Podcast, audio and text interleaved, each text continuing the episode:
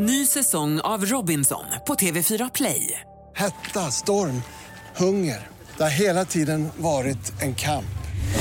Nu är det blod och tårar. Fan händer just nu. Det. är Detta är inte okej. Robinson 2024, nu fucking kör vi! Streama söndag på TV4 Play. Podplay.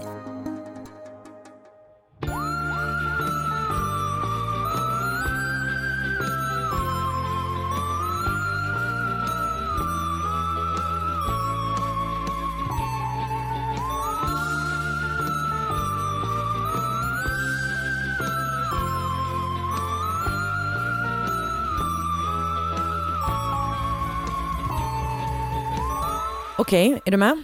Jag är med. Jag tänker att eh, vi måste börja här idag Anna. Vadå?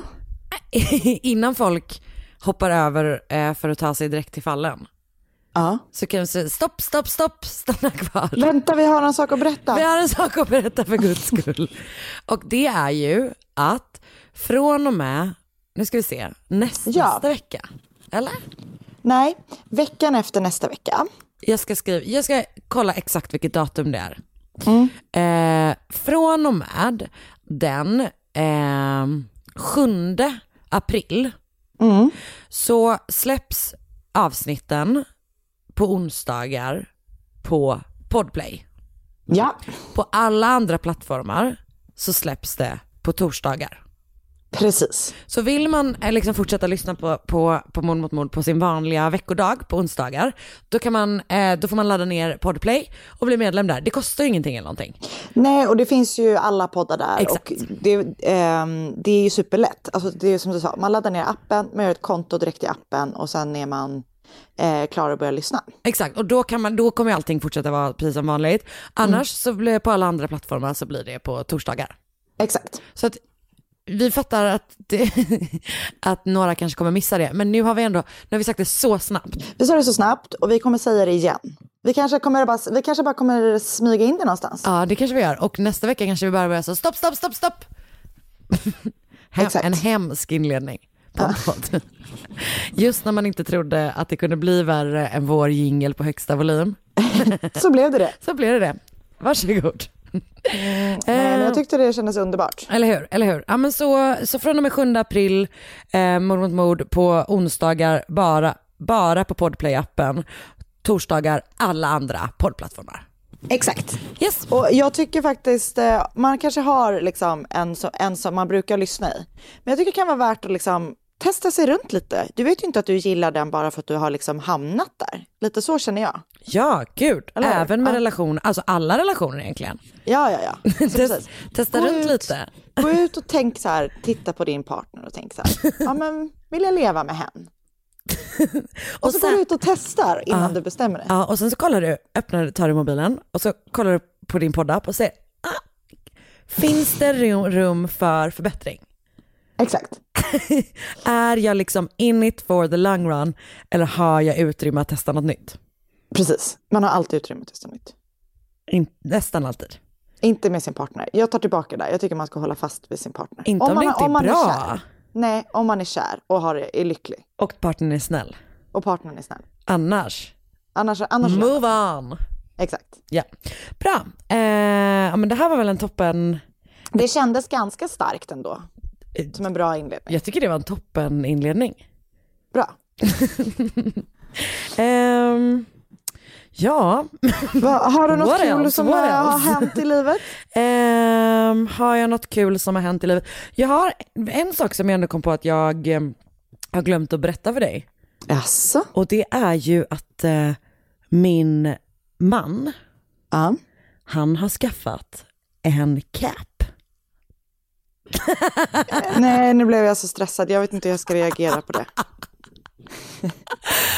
Eh, nej, men Marcus han, han håller ju på så, och experimenterar lite med sin stil, någonting som jag ju alltid är väldigt för. Folk brukar ju tro att jag är väldigt emot det. Ja. Nej, det är ju väldigt viktigt för dig att att få reda på att Att, du är för det. att jag är för det, att jag är helt okej med det och, att han har rätt att uttrycka sig. Eh, utan, och att jag inte blir sur på det. Eh, det blev jag inte heller i det här läget. Däremot blev jag härligt full i skratt Vad är det för cap? Nej men alltså då är det att han har fått för sig att han vill ha en mantel liksom. Vilket ju, En sån hermelinmantel eller? nej inte hermelin. Utan han var lite grann i ett annat ekonomiskt spektra kan man säga. Det är väl bara kungar som har får ha hermelin dessutom? Ja men det är sånt, sånt vet inte vi vet du. Vi har inte den etiketten så det, Nej. det stoppar oss inte. Ehm, nej men eh, då, då, har- då liksom, tog han, berättade han att han hade liksom funderat på det här och att han skulle skaffa sig en cap. Och eh, sen så gick det några dagar och så sa han Oh, nu är mitt paket här. Så gick han och öppnade dörren och hämtade då sitt paket. Gick in i köket, kom tillbaka iförd, alltså fotknölslång cap från partykungen.se. Från, jag inte precis var hittade den, om det var på Blocket eller någonting. Men Nej okej. nej nej, alltså tänk dig bara liksom eh, en Dracula-kostym, den allra sämsta Dracula-kostymen du någonsin har sett. Vad är det för minus material? huggtänderna. Ja men det är ju liksom sånt där flyg, jag skulle säga att det är exakt samma material som är i en sån, eh, som är i liksom partykungens häxhattar fast Ja, ja, ja. fladdrigt ner till Prass- fotknölarna. usch. Prassligt, Fy, något hemskt. så. så att, alltså, och han är så missnöjd, han är så jävla missnöjd. Men gud, jag vill typ är- göra som ett mission att, ehm, Att hitta en bättre cap. ja, på riktigt. Alltså jag tror inte du kan hitta en sämre cap. Alltså, så det är liksom så här sad Dracula som kommer Gud, utvandrande till, till vardagsrummet. Han är så ledsen. Det var ett felköp Marcus, det var det. Men ska han ha på sig den nu när han ska gå och handla eller vadå? Alltså jag har, tror inte att han kommer ha på sig den så mycket. Han håller ju på just nu och testar lite ny stil, sin nya pappastil. Oj. Ska jag, okej. Mar- Marcus sitter här. Men nu blir jag så himla stressad. Ska jag, Vill du klippa bort det eller? nej men jag vet inte. Marcus, ska jag, ska jag kliva bort det? Vad, vad vill du? Vi måste ju säga det någon gång. Men då är det väl bra. Okej, ja. Att vi ska ha en bebis.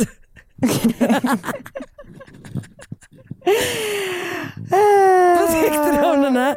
Vilken, vilken jag blev typ, alltså jag blev liksom generad nu.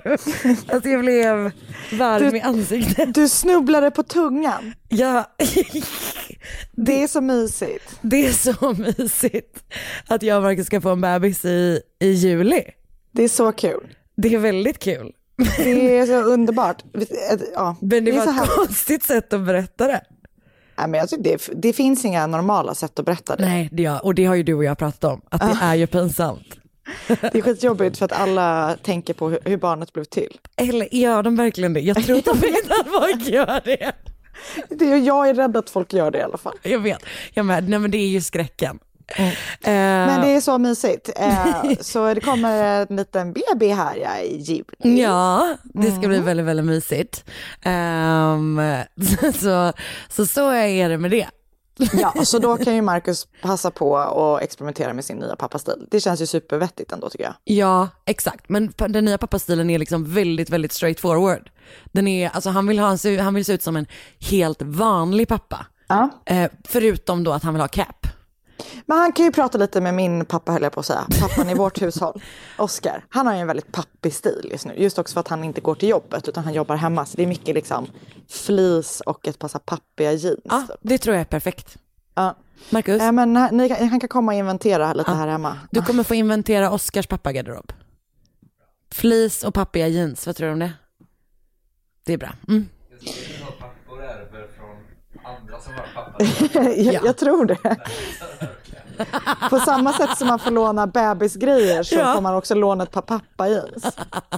Åh gud vad gulligt när Oscar ska, ska liksom hand it on.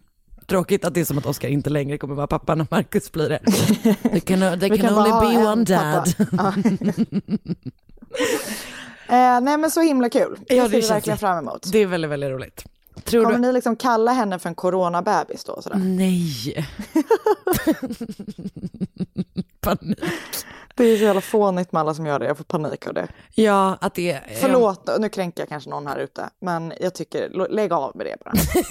Det, det är verkligen ord och inga visor idag. Alltså verkligen. Lämna I'm din just telling it like it, like it is. Det, det är så jobbigt med sådana människor. Jag har eh, några sådana som jag känner.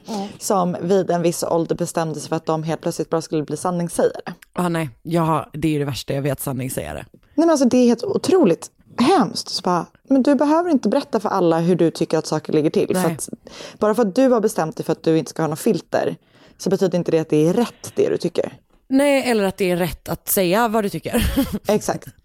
Nej, så det, det står jag också fast vid. Okej, så att du, det är, du är väldigt tydlig med att din sanning är att du inte tycker om sanningssägare.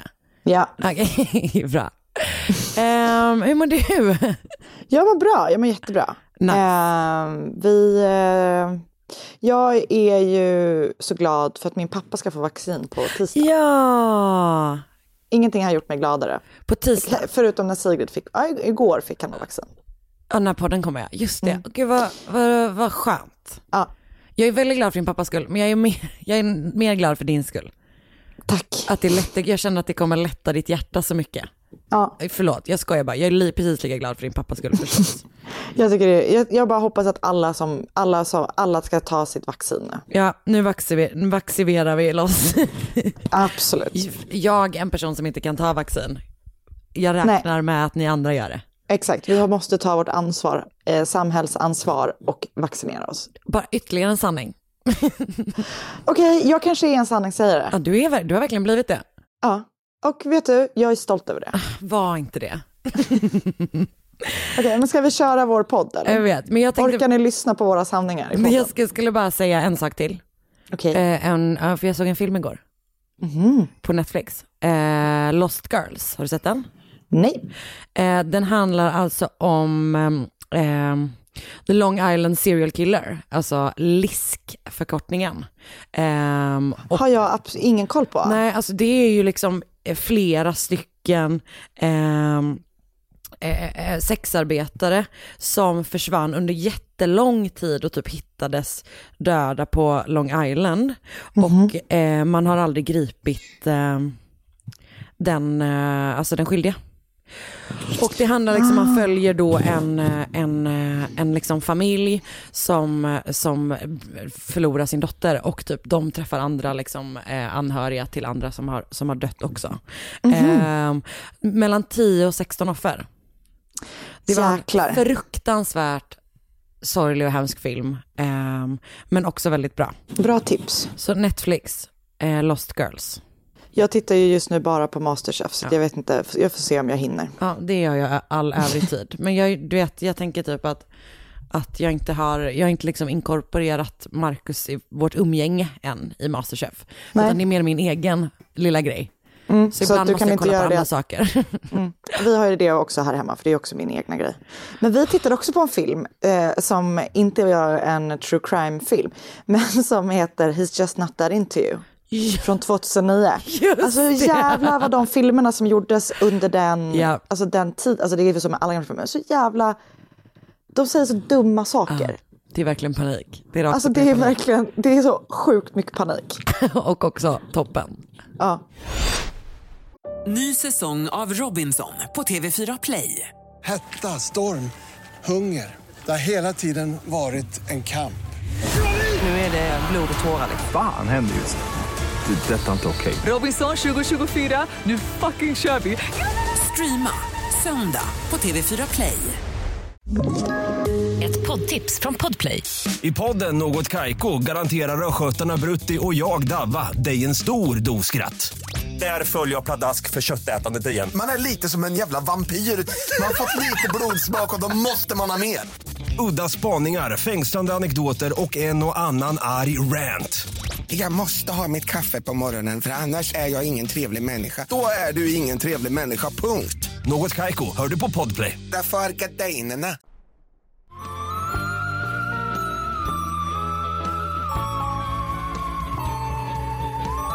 Idag har jag, jag känner mig liksom lite, jag känner mig liksom lite träffad av dig, att du tyckte att jag gjorde så fåniga öppningar i mitt fall. Så att nu kommer jag, jag har inte gjort det den här veckan, utan jag kommer bara gå rakt på. Så är det. Nej, men du, du Det sa var så inte... du valde att tolka det. Jag tolkade det så, för du sa sådär, gud vad du kämpar på med dem något sånt sa du. Jag gillar, jag gillar ju dina öppningar och har ju själv snarare känt en press på att Okej. liksom, eh, do better. Okej, Så kan ja men det. det är så. Så Okej. vi har, som, vi har missuppfattat varandra men båda mått piss. Men det är väldigt roligt för att jag kanske bara måste typ lägga av med min offerkofta för jag köpte ost till mig och Oskar i eh, fredags. Vi hade räkfrossa och sen köpte jag ost. Och då sa Oskar det här. Oj vilken generös bit älskling. Och jag tolkade det som kritik att han tyckte jag hade köpt för mycket ost. Medan han tyckte bara att det var härligt att jag köpte en jättebit gruyère. Ja, ja kanske. Kanske att du har rätt i din egen, i din andra analys av den här situationen. Uh, uh, nog om det. Ja, nog om Eh, klockan är fem över tio på kvällen den 31 juli 1999. Eh, den 17 år gamla Tracy Hallett och JB Beasley sätter sig i JBs svarta Mazda för att åka från Dothan i Alabama till Headland som ligger några kilometer bort. De två ska gå på en födelsedagsfest som arrangerades för JB. Men de dyker inte upp på festen för att på vägen dit så kör de fel. Och då stannar de först på en bensinmack i Headland. Alltså så då är de i rätt stad liksom. Och ringer från en telefonautomat till några kompisar på festen för att få en vägbeskrivning. Men av någon anledning så kör de fel igen. Eh, och så hamnar de i Ozark, vilket är då ungefär en halvtimmas bilfärd från där bensinmacken var. Oj. Så nu har klockan liksom hunnit bli typ så här 11 på kvällen eller vet, 11.30 eh, runt där. Eh, så att eh, de svänger in på en liten sån eh, matbutik, du vet, typ som convenience store. Eh, för eh, alltså det här 99 då hade man ju inte mobiltelefoner va? Alltså någon kanske hade det, men det var ju liksom inte så att gemene man hade en mobiltelefon Nej, 99. det var inte självklart nej. På Nej. något sätt. Så de kör in då på den här convenience storen för att ringa då till sina föräldrar. Så Tracy ringer till sin mamma eh, från en telefonautomat bara för att berätta då att de har hamnat fel. Sen får de en vägbeskrivning från en kvinna som är på samma parkering, alltså på den här butiken. Butiken hade stängt när de kom dit, men de möts på den här parkeringen i alla fall. Eh, och eh, hon ger dem liksom vägbeskrivningar hur de ska köra tillbaka till Dothan. Och sen ser den här kvinnan Tracy och JB köra iväg. Och det här är sista gången som någon ser JB och Tracy vid liv. Oj. Morgonen efter, runt klockan åtta på morgonen, så anmäler Tracys mamma att Tracy aldrig kom hem.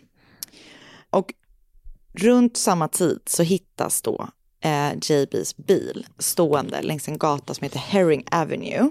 Vilket, när, bara, alltså, när jag titt, försökte titta på en karta över Ozark så ser det ut som att det är väldigt centralt. Typ. Bilen är lerig och eh, framrutan är lite, lite nervevad. Eh, vevad.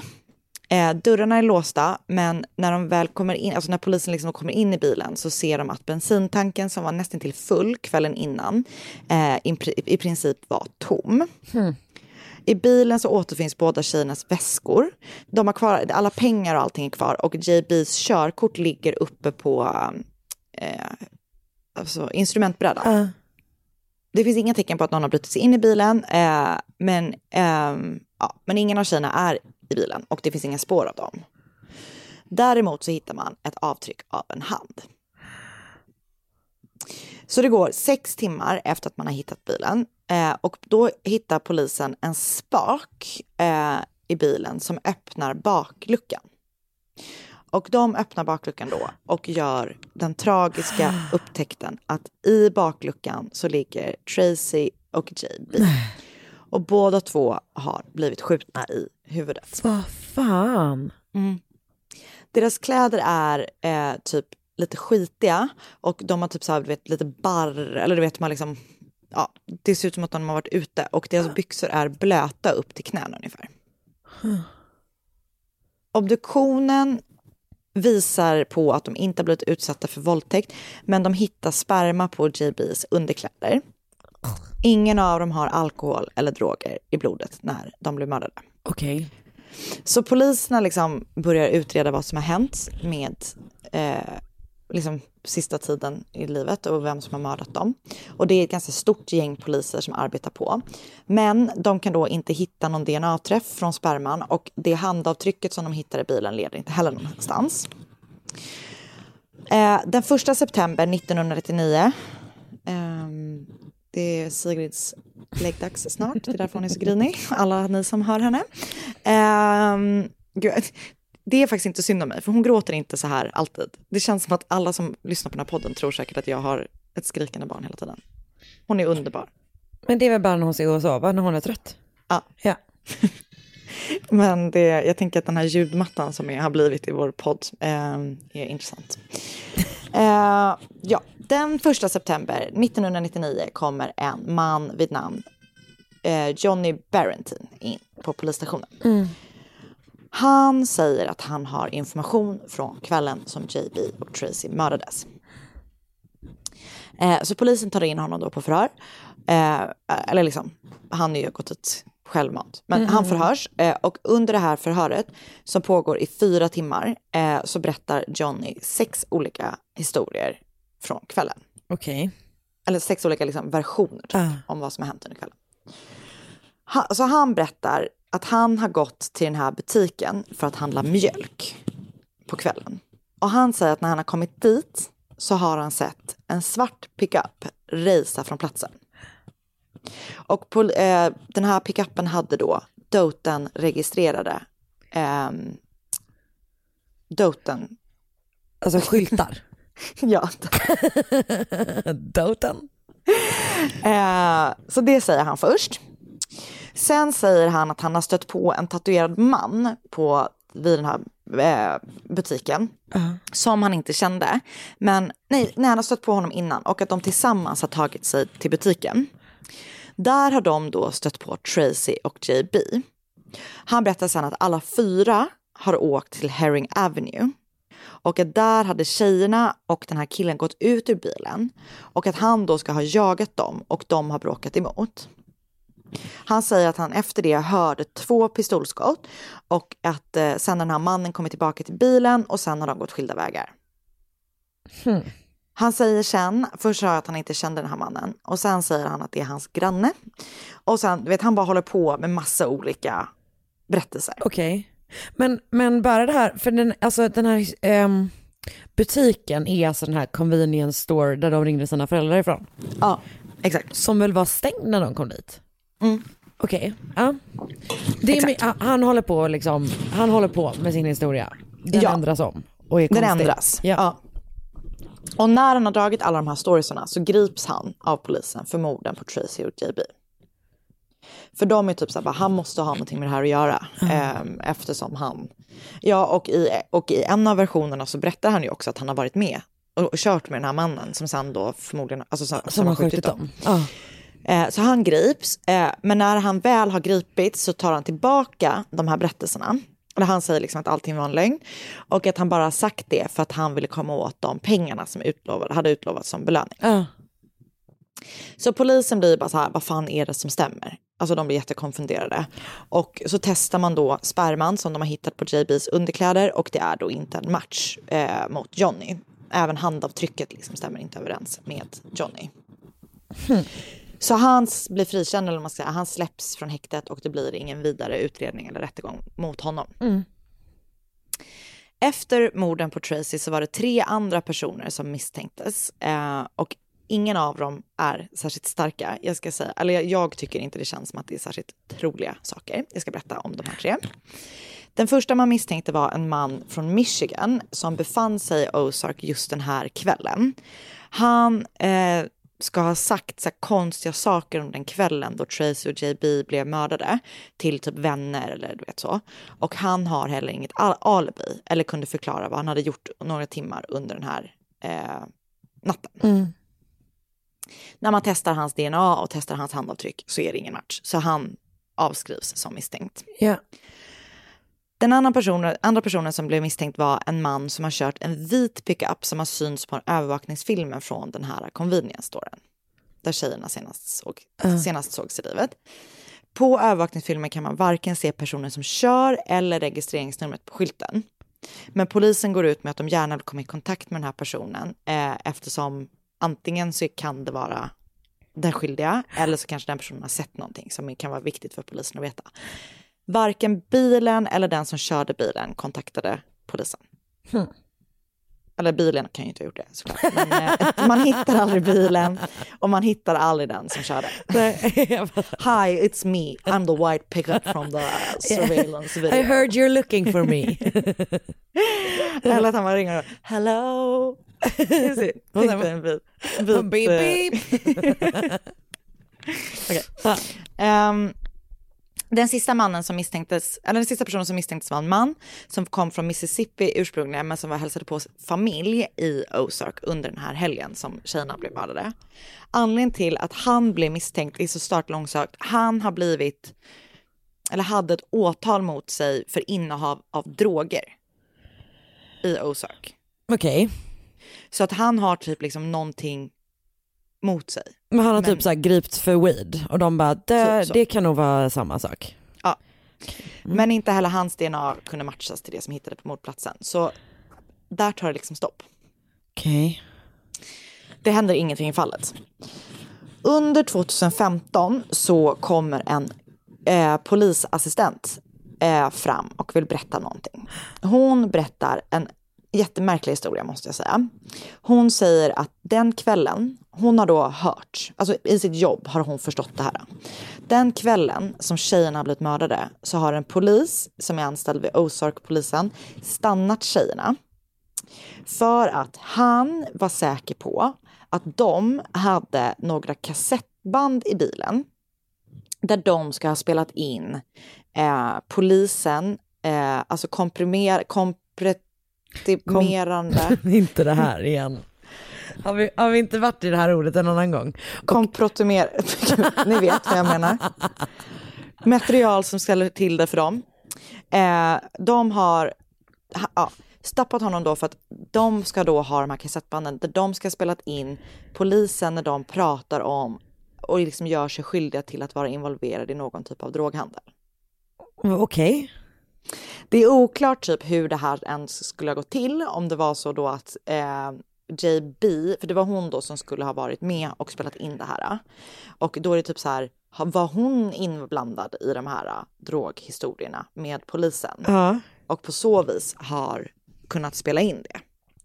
Men hon verkar vara liksom, alltså, och det vet man väl kanske inte för sig, men alla beskriver henne som att det är så här, nej men hon är liksom ingen druggy, alltså hon, skulle, hon är för mycket good girl typ. För Ja, hon, tar inte, hon tar inte droger helt enkelt. Nej. Nej. Ehm, men så att den här då polisassistenten säger att det, det som har hänt den kvällen är då att den här polisen har, den här polisassistenten berättar om den här polisen som då har stannat dem eh, för att ehm, de här ins för inspelningarna då skulle användas i en rättegång mot poliserna bara några dagar efter. Okej. Så hon menar att han då har stannat dem och efter det har mördat dem för att de typ inte ville, ja, för att komma åt de här banden typ, att inte de skulle kunna vittna om det och så här. Men det borde ju finnas ett liksom, eh, det, om de skulle användas i en rättegång så borde ju någon annan... Ja, de borde ju vara registrerade, ja precis. Ja, Nej, hon vill inte heller namnge den här polisen som då enligt henne har mördat dem. Eh, men hon menar att det är poliser ganska högt upp i polishierarkin eller vad man ska säga. Som har varit med och täckt upp för vad som egentligen har hänt. Och de namnger hon liksom vitt och brett typ. Okej. Ehm, den här kvinnan blir också efter att hon har uttalat sig om det här misshandlad med ett basebollträ. Oj, Typ som att så här-. Jag vet inte om, alltså hon menar ju då att hon blir det för att hon vill ska bli silenced typ. Huh. Och hon vägrar berätta vem som slår, har slagit ner henne också.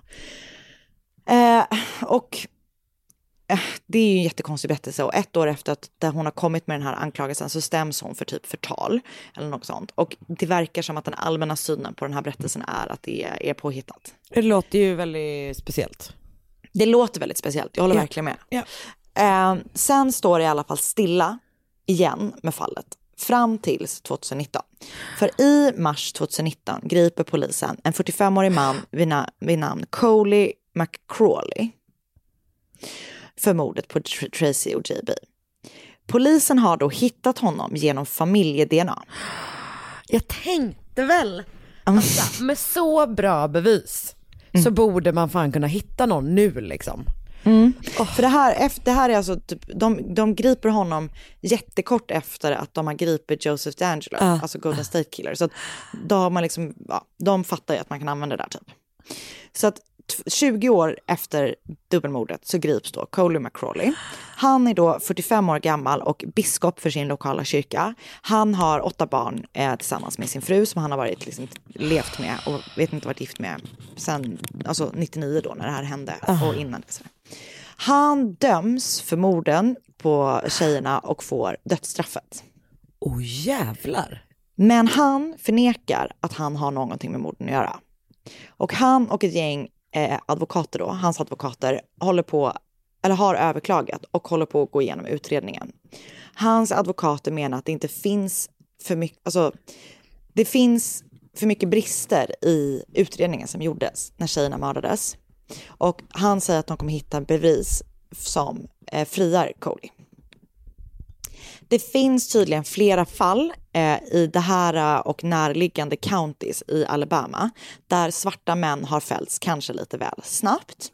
skräll. Eh, skräll, verkligen. Det sägs, och jag vet inte exakt vad det finns för bevis för det här, men det, fin- det sägs att eh, åklagare som jobbar i de här countiesarna medvetet har uteslutit svarta personer ur jurygrupper, vilket man ju såklart inte kan göra. Men också Eh. Pender, känns som att det har hänt Jätteofta. ah, på massa olika sätt. Ah. Eh, så juryn då har varit helvit i, eh, eh, liksom, ja. Eh, och det innebär ju då att de här personerna som ställts inför rätta har då fått en orättvis rättegång. För att, ja. Och rasismen är väl där, precis som i hela USA och typ hela världen, ganska utbredd. Ja. Så hans försvar menar då att han har blivit ett offer på grund av hans hudfärg. Men men DNA, för Ja, men det enda beviset som finns då mot honom är då en träff via eh, familje-DNA som indicates high degree of confidence. Eh, och sen finns det ju ingenting annat som ehm, eh, pekar på honom. Och polisen och åklagarna och uppenbarligen jury tycker att det räcker då för att fälla honom och tycker att det liksom är helt vattentätt att ge honom dödsstraffet medan Coleys försvar inte tycker att det räcker. En forensisk och en, en forensisk expert som också är expert på lag, alltså lagar kring eh, just brottslagar typ, eh, som försvaret arbetar med menar att även om DNA är väldigt bra för att det hjälper till att typ så här snäva till en utredning och det kan vara DNA som tillhör förövaren så är det inte tillräckligt säkert att endast ha det eftersom personens DNA kan ha hamnat på en brottsplats på massa andra sätt. men det var väl sperma? Jag vet, alltså jag vet. Huh. Alltså, ja gud. Och när de grep Coley så satt han i förhör i 27 timmar och blev upprepade gånger nekad att få sin, dit sin advokat. De, eh, polisen menar mer att han har frågat typ så här, finns det en advokat i huset? Och de har svarat nej på det. Men han menar då att så här, jag bad om att få ta dit en advokat och de sa bara nej typ. De ska tydligen, polisen ska också typ ha pratat liksom eh, amongst themselves om att de behöver ha mer för att kunna sätta dit honom. Så att de har typ sagt så här, anything we can get on that guy, typ vi måste göra vad vi kan för att få fram mer bevis. Så de har använt sig av en annan fånge som får dela cell eh, för att se om Coley då erkänner någonting till honom. Den här andra fången och Coley typ kommer från samma område så att de typ känner varandra. Liksom. Ja. Coley erkänner ju ingenting, men den här andra fången fick då sitt straff alltså kraftigt reducerat. Ehm, och i, i en studie så visas det att sådana informanter, det är den största faktorn som bidrar till felaktiga domar i sådana kallade då capital cases som det här är.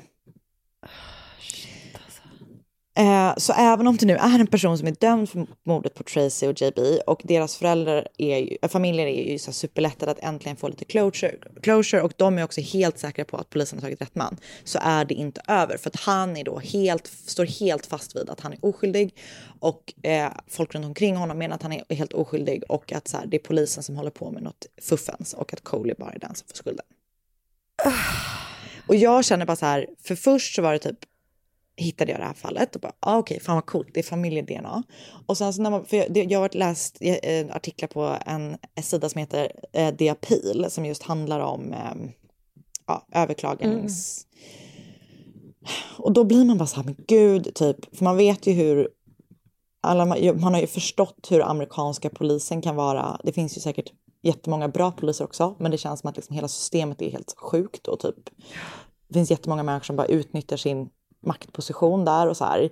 Så jag bara känner mig, det helt, det man blir så bara, men gud hur är det? Vad är det som stämmer? Ja men och just för att man vet om, eller liksom så här, man har, man, det finns så många fall där det är så, så tydligt att systemet, alltså rätts, rätts liksom, systemet är så riggat mot eh, svarta med.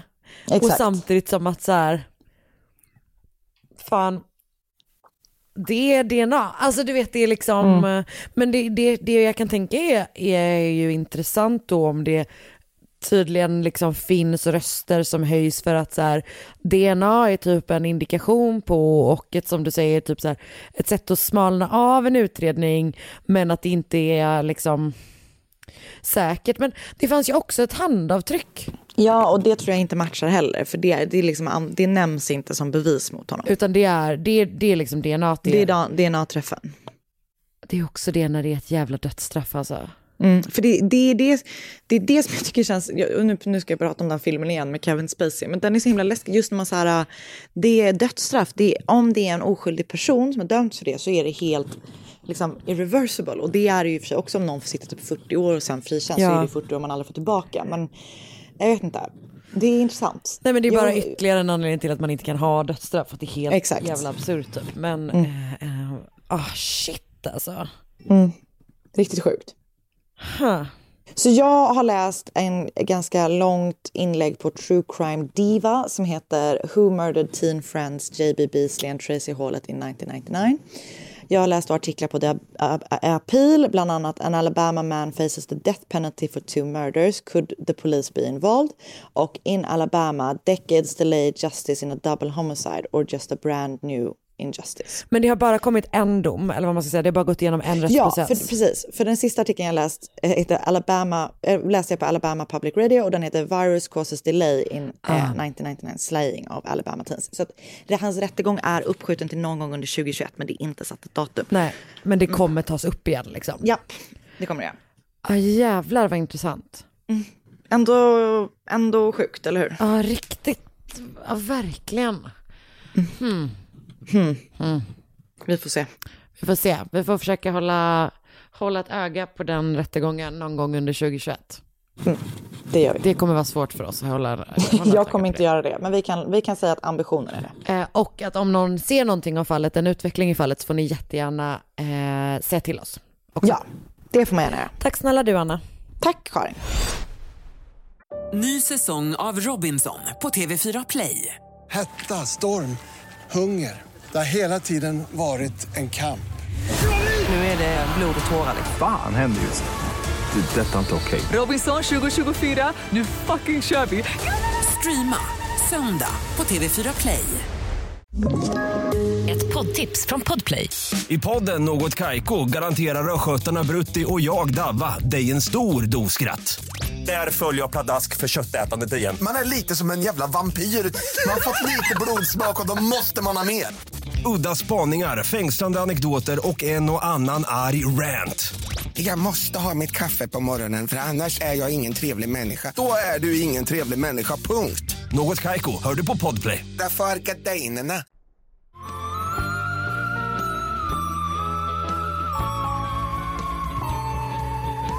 Jag har bakat bröd idag.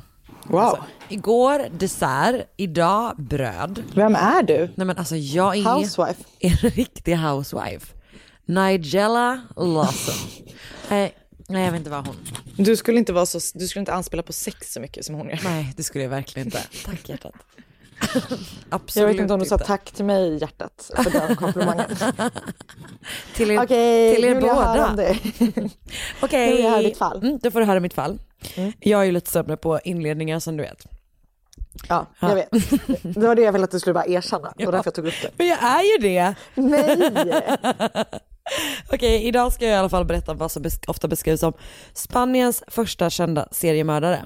Eller typ kanske dokumenterade seriemördare. Espanja. Spanien, vi ska till. Åh, fy fan vad mysigt att åka till Spanien eller? Ja, underbart. Dit kan du och jag åka någon dag. Någon, Det kan något vi. Mm. Åh, tänk när vi ska på äh, mamma, mamma barn resa. så mysigt. Fan mysigt. Ja, den här snubben heter i alla fall Manuel Blanco Romasanta men kallas för Hombre Lobo de Alaris. Mhm. Vet du vad det är? Nej. Varulven från Alaris. Ooh, Oh, jag gillar verkligen jag det spanska skakar. namnet för, för varulv. Hombre Lobo. Mm, det var bra. Ja, eller hur? Ehm, Okej, Kör. den här snubben föds i november 1809 i byn Regueiro i Galicien, nordvästra Spanien.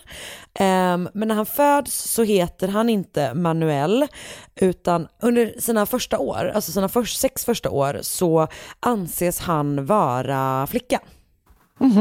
Det verkar som att han helt enkelt är liksom intersex eh, och att så här, läkare kollar på hans liksom, könsdelar igen när han är sex år gammal och bestämmer så här, nej, du är en pojke. Ehm, så att först så liksom uppfostras han som flicka och sen vid sex års ålder så uppfostras han som, som, som pojke istället från och med liksom den perioden. Och jag tänker att det nog var en ganska stor skillnad i vad det innebar Det kan man tänka tiden. sig. Men så efter det här då så byter alltså hans föräldrar eh, som heter Miguel, Miguel Blanco och Maria Roma Santa namn på honom och börjar uppfostra honom som en kille. Och Manuel har Alltså minst... fatta vad förvirrande. Nej men jag vet. Det är verkligen, det var nog inte toppenlätt. Nej. Sådär. Och jag menar bara eh, hela situationen, jag tänker typ att det inte är så lätt att vara intersex redan idag, alltså Nej. även idag. Tänk fucking 1800-talet. Perfekt. Nej men alltså, ja. Eh, och Manuel har minst fyra sys- syskon, kanske har han sex syskon, det står lite olika. Eh, och kommer från liksom en ganska så här välbärgad familj. Och det gör att han, eh, också på grund av att han numera då eh, läser som pojke, får lära sig både läsa och skriva. Ja. Och det var ju ingen liksom, det var ju ganska ovanligt för den här tiden. Men han blir ganska retad och ehm, jag tänker att det delvis beror på vad som hänt honom under hans uppväxt uppenbarligen. Men han har också fått en del skador under sin förlossning. Eh, det var tydligen en väldigt, väldigt svår förlossning så att han har liksom en, en del bestående men som jag vet inte vad de är men liksom utseendemässiga skador. Eller eh, skador som, som syns helt enkelt. Eh, men han är också så här väldigt, väldigt liten. Han slutar växa redan tidigt tonåren och ska ha varit någonstans mellan 1,37 och 1,49 cm lång. Vä- Vänta, 1,37? Ja, alltså han är en pytteliten person. Det måste man säga. Ja, och han är liksom väldigt så här späd liksom. Mm. Och eh, så att han utsätts för en hel jävla massa skit helt enkelt. Än så länge Mm. ingen superlätt uppväxt. Nej. Och Manuel växer i alla fall upp, han utbildar sig till skräddare och han träffar en kvinna. De gifter sig när han är 22 år gammal, jag vet inte vad hon heter. Och redan året efter så dör hans fru och han blir enkling. Så han blir liksom enkling när han är 23. Och eh, här på, påpekar alla källor att han inte ska ha haft något med hennes död att göra. Nej. Vilket det alltid är. Det, är liksom, det bådar inför, eh, inför ett framtida gott liv. helt enkelt. Eh, Okej, efter detta, det är, nu är vi på 1833, så börjar han liksom leva ett så ganska kringflackande liv. Han är så här resande försäljare, men gör också lite så här olika saker vid sidan av. Och en av de sakerna är att han Eh, han är liksom som guide typ när folk reser mellan olika byar och städer i det här området i Galicien liksom. Och först är han aktiv framför allt i kommunen Esgos men snart täcker hans business då hela Galicien liksom. Och det är typ ett område där det är ganska mycket så här vildmark. Så att jag skulle tro att när han reser i sitt jobb så guidar han också folk samtidigt, alltså typ tar med sig folk från en stad till en annan för att han ändå, Ja, okej. eh, för att han är liksom van att resa i de här områdena. Elva år efter att eh, han har liksom lämnat det här fasta skräddarlivet bakom sig så kommer Manuel att anklagas för sitt första mord. Det är då 1844 och det börjar ryktas om att Manuel, mm, han är inte toppenbra att göra business med. Nej. För han betalar inte sina leverantörer som han ska. Okej. Och till slut så är det en leverantör som antingen, det är lite oklart, det står lite olika om han går till typ en skuldindrivare eller om han går till polisen. Men han, han liksom går till någon slags myndighet och säger så här, han är skyldig mig pengar, jag har gett honom varor, han har inte betalat för dem liksom. Mm. Och det leder då till att en man som heter Vicente Fernandez, och han verkar ha varit eh, eh, någon slags polis i alla fall. Eh, han söker upp honom för att liksom kräva in de här pengarna. Och några dagar senare, några dagar efter att han liksom har, har eh, haft, liksom tagit på sig det här uppdraget, så hittas han död utanför Ponferrada i Galicien. Och man börjar snabbt misstänka Manuel. Mm. Lika snabbt drar Manuel för att undvika ett gripande. Smart. Han åtalas för mordet på Vicente Fernandez och döms i sin frånvaro till tio års fängelse. Okej. Men han är ju då long gone, eller han är inte så long gone, utan han är typ i grannbyn. Men grannbyn är lite, alltså det är som sagt, det är väldigt så här, väldigt rural. Det är liksom ganska isolerade byar typ. Så han har dragit till en mer eller mindre övergiven by som ligger liksom uppe i bergen och där bosätter han sig först några månader. Men efter ett tag så dyker han upp i en bergsby sydväst om Ponferrada. Ehm, och då har han liksom nya identitetshandlingar och han är liksom redo att starta sitt nya liv. Och Okej. då heter han Antonio Gomez, men jag kommer fortsätta kalla honom för Manuel. Det tycker För jag. Att inte förvirra dig. Och även mig själv. Lyssnarna däremot, de hade löst det. Antagligen. Eh, Okej, så han bosätter sig i den här byn och börjar jobba med lite allt möjligt. Bland annat spinner han garn, han väver, han är skräddare, han städar och lagar mat, han säljer tvålar, han säljer lite andra grejer. Alltså, han blir snart, han, han bygger ju ganska snart en relation med byns kvinnor. Eh, vilket ju förstås också har att göra med att de yrken han ägnar sig åt är väldigt så här kvinnligt kodade liksom. Ehm, han, de börjar liksom räkna honom som vän. Männen är tydligen lite mer tveksamma till honom. Ehm, de tycker att han, men, men jag tror att ganska genomgående är att alla tycker att han är så här lite märklig. Liksom. Men, men kvinnorna tycker om honom, den här lilla späda personen. Och han börjar då också snart jobba som så här, samma typ av så guidande verksamhet.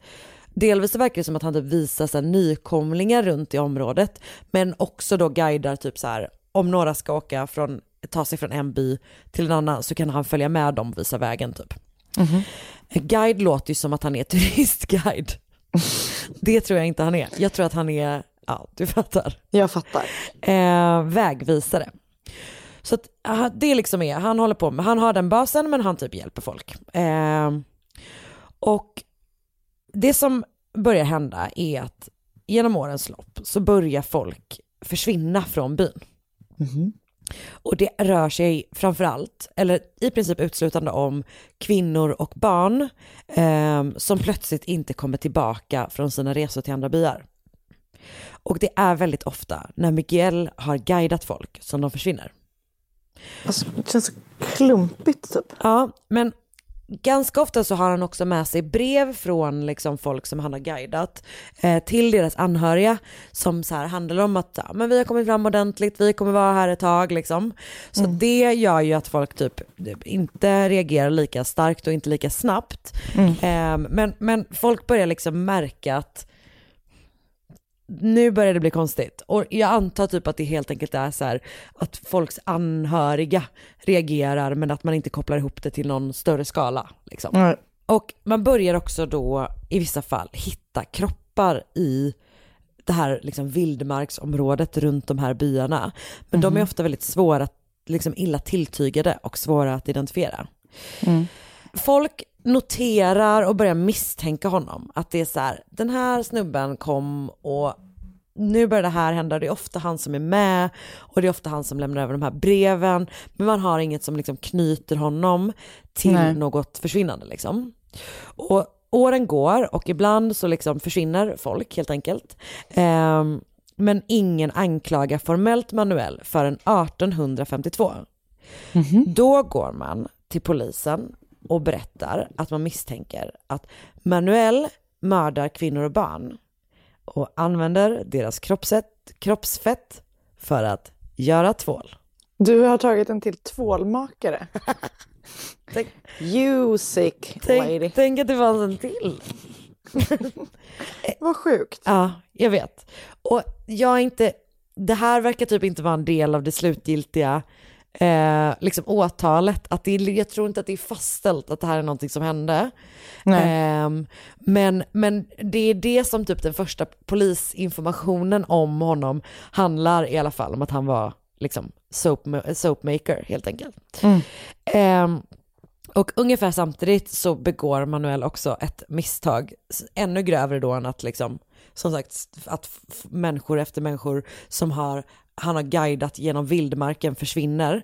Så han, han, nu begår han ett ännu tydligare misstag. Och det är eh, så att han helt enkelt åker fast när han säljer eh, några av de försvunna kvinnornas kläder och tillhörigheter. Shit. Så i september 1852 grips Manuel Blanco Roma Santa och kommer att åtalas för totalt 13 mord. Rättsprocessen äger rum i Alaris och tar sju månader. Och han kommer att erkänna antingen nio av morden eller alla 13. Det står lite olika information där. Men vad alla eh, källor är överens om är att hans försvar och hans liksom, anledning till att han har gjort det här är något annorlunda. För att han säger att han under tiden han utförde de här morden eh, liksom var påverkad av en förbannelse. En förbannelse då som gjorde honom till varulv. Ah. Och så här säger han om allra första gången han förvandlades till en varulv. Förlåt att jag skrattar. Nej men det här är, det kommer, ja, du kommer ha, du kommer ändå ha anledning att, att skratta åt den här personen för att han är dum. Eh, som försöker komma undan med det här. Eh, Okej, första gången jag förvandlades var på berget Koso. Jag stötte på två stora vilda vargar. Plötsligt föll jag till marken. Började känna kramper. Jag krampade okontrollerat tre gånger. Och inom några sekunder var jag varg själv. Jag tillbringade fem dagar tillsammans med de andra två tills jag återfick min kropp. Den ni ser nu, herr domare. de andra två dvärgarna, eller de som jag trodde var vargar, förändrades också och antog mänsklig form de med. Va? Vad trodde du? Okej, ja. Vad trodde du? Säg vad. Nej, nej, nej, det var inget. Nej, nej, nej, det. Okej. De var två valencier. Den ena hette Antonio och den andra Don Gennaro. och de fick också en förbannelse som min. Gud vad sjukt. Efter det drog jag ut med Antonio och Don Gennaro i varje form under lång tid. Vi attackerade åt flera personer. Vi gjorde det för att vi var hungriga. Okej. Och då är så här, åklagaren, ganska många inblandade i den här rättsprocessen, de är lite tveksamma. Däribland åklagaren, det är dens jobb. eh, så han är så här, åklagaren, och han bara, okej. Kan du visa hur det gick till? Hur går det till när du förvandlas till varulv? Typ, vi skulle gärna vilja se det. Och det här är på riktigt hans svar. Han bara, det går inte, för min förbannelse räckte bara i 13 år och den tiden gick ut förra veckan. Oh, Det är otroligt. kreativt. Verkligen. Han kör på, han gör sin grej. Och han undersöks också av flera rättsläkare men alla landar i samma slutsats. Nej, Manuel är inte varulv. Han är en man som mördar för att han vill det. En läkare säger bland annat att Roma Santa är perverterad, en brottsling, förmögen att göra vad som helst. Lugn och samlad och helt utan godhet. Han agerar av fri vilja utifrån frihet och medvetenhet. Under rättegången minskar antalet offer han anklagas för att ha mördat från 13 till 9. Eftersom man anser att fyra av dem faktiskt har dött av vargattacker. Okej. Resterande menar man då har mördats av en människa. Och den 6 april 1853 döms Manuel Blanco Roma Santa för de här nio morden. Hans straff blir döden med garrottering. Aha. Och hans, Vad är det? Alltså det är ju, det är som ehm, strypstock. Alltså det Aha, usch. är fruktansvärt äckligt. Eh, ska se här exakt hur Wikipedia säger. Eh, den dödsdömde binds vid en träpåle och stryps långsamt med ett rep eller ett vid pålen fäst så kallat halsjärn. Ugh. Och även, oj jävlar, den senaste kända användningen var i Spanien 1974. Oj, Vad i hela helvete? vad sjukt. Ja, så det döms han till och han döms också till att betala skadestånd till de anhöriga till offren. Och eh, de människor som det anses bevisat att Manuel har mördat är Manuela Garcia, hon är 47 år gammal, och hennes 15-åriga dotter Petra. Och de mördas när de reser till staden Santander. Benita Garcia Blanco är 34 år gammal. Hennes 10-åriga son Francisco är också med. Och de mördas på en resa till Cantabria. Antonia Eand, som är 37 år gammal, och hennes dotter Peregrina, som jag inte vet hur gammal hon är, de mördas på väg till Orense. Och sen så är det Jos- Josefa Garcia och hennes, eh, hennes 21 år gamla son José Pasos. Eh, Och sen så är det en flicka som heter Maria Dolores som är 12. Så det är nio liksom, men, man, men, men initialt så var det 13. Okej. Och det är också omöjligt att veta hur många. Alltså, Ja, såklart. kom, det här är nog mitten av 1800-talet. Jag är förvånad över att man har eh, så mycket namn och, och, och sådär som, som faktiskt går att hitta. Tydligen är rättegångs, eh, liksom protokollen är tydligen på 2000 sidor. Jävlar. Ja. Så Manuel döms alltså till döden och domen fastställs i högre instans. Men trots det kommer han inte att avrättas, utan dödsdomen blir i maj 1854 omvandlad till en livstidsdom av ingen mindre än drottning Isabella den andra av Spanien. Okej. Och det här händer då efter att en fransk hypnotist som bor i London, eh, man vet inte riktigt vem han är, men han kallas för Mr. Phillips. Han skriver till Spaniens justitieminister. Och han säger då att han måste få eh, eh, studera den här mannen. Och han eh, måste det för att han, han misstänker då att han liksom lider av en specifik typ av ja, men psykisk sjukdom som heter lykantropi. Och det är alltså att vara människa som ibland förvandlas till eller agerar som en varulv.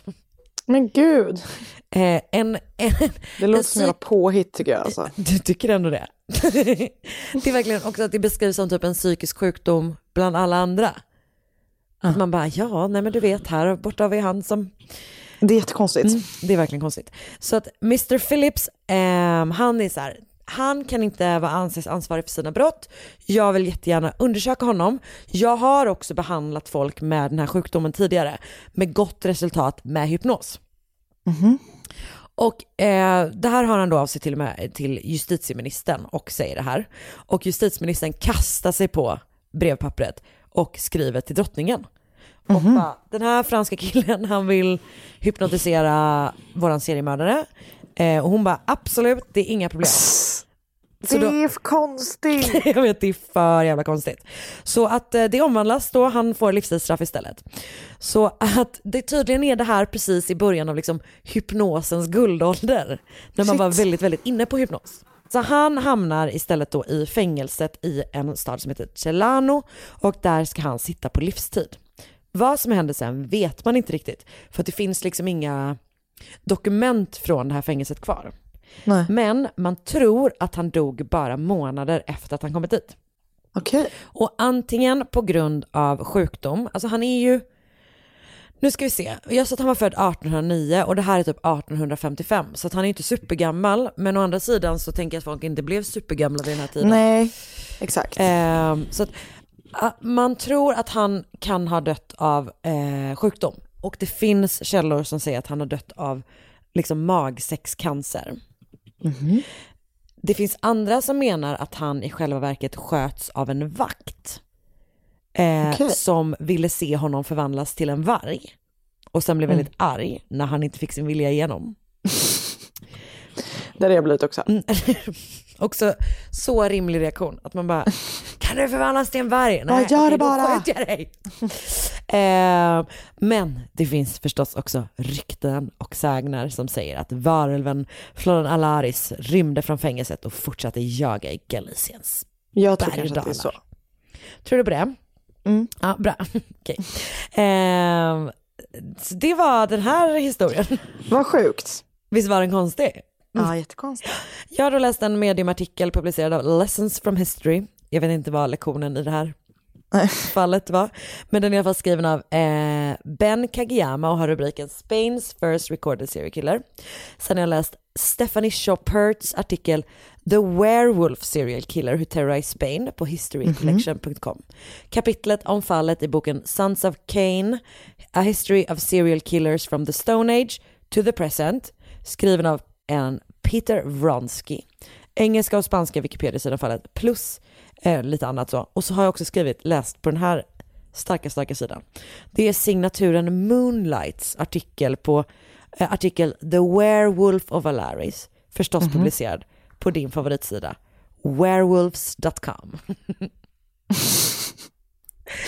Att det ens finns sånt. Nej men du vet ju, allt finns. Ja, Vad intressant. det var det jag hade, det var det jag hade Tackar att bjuda på. Ehm, det var ändå lite av en resa, eller hur?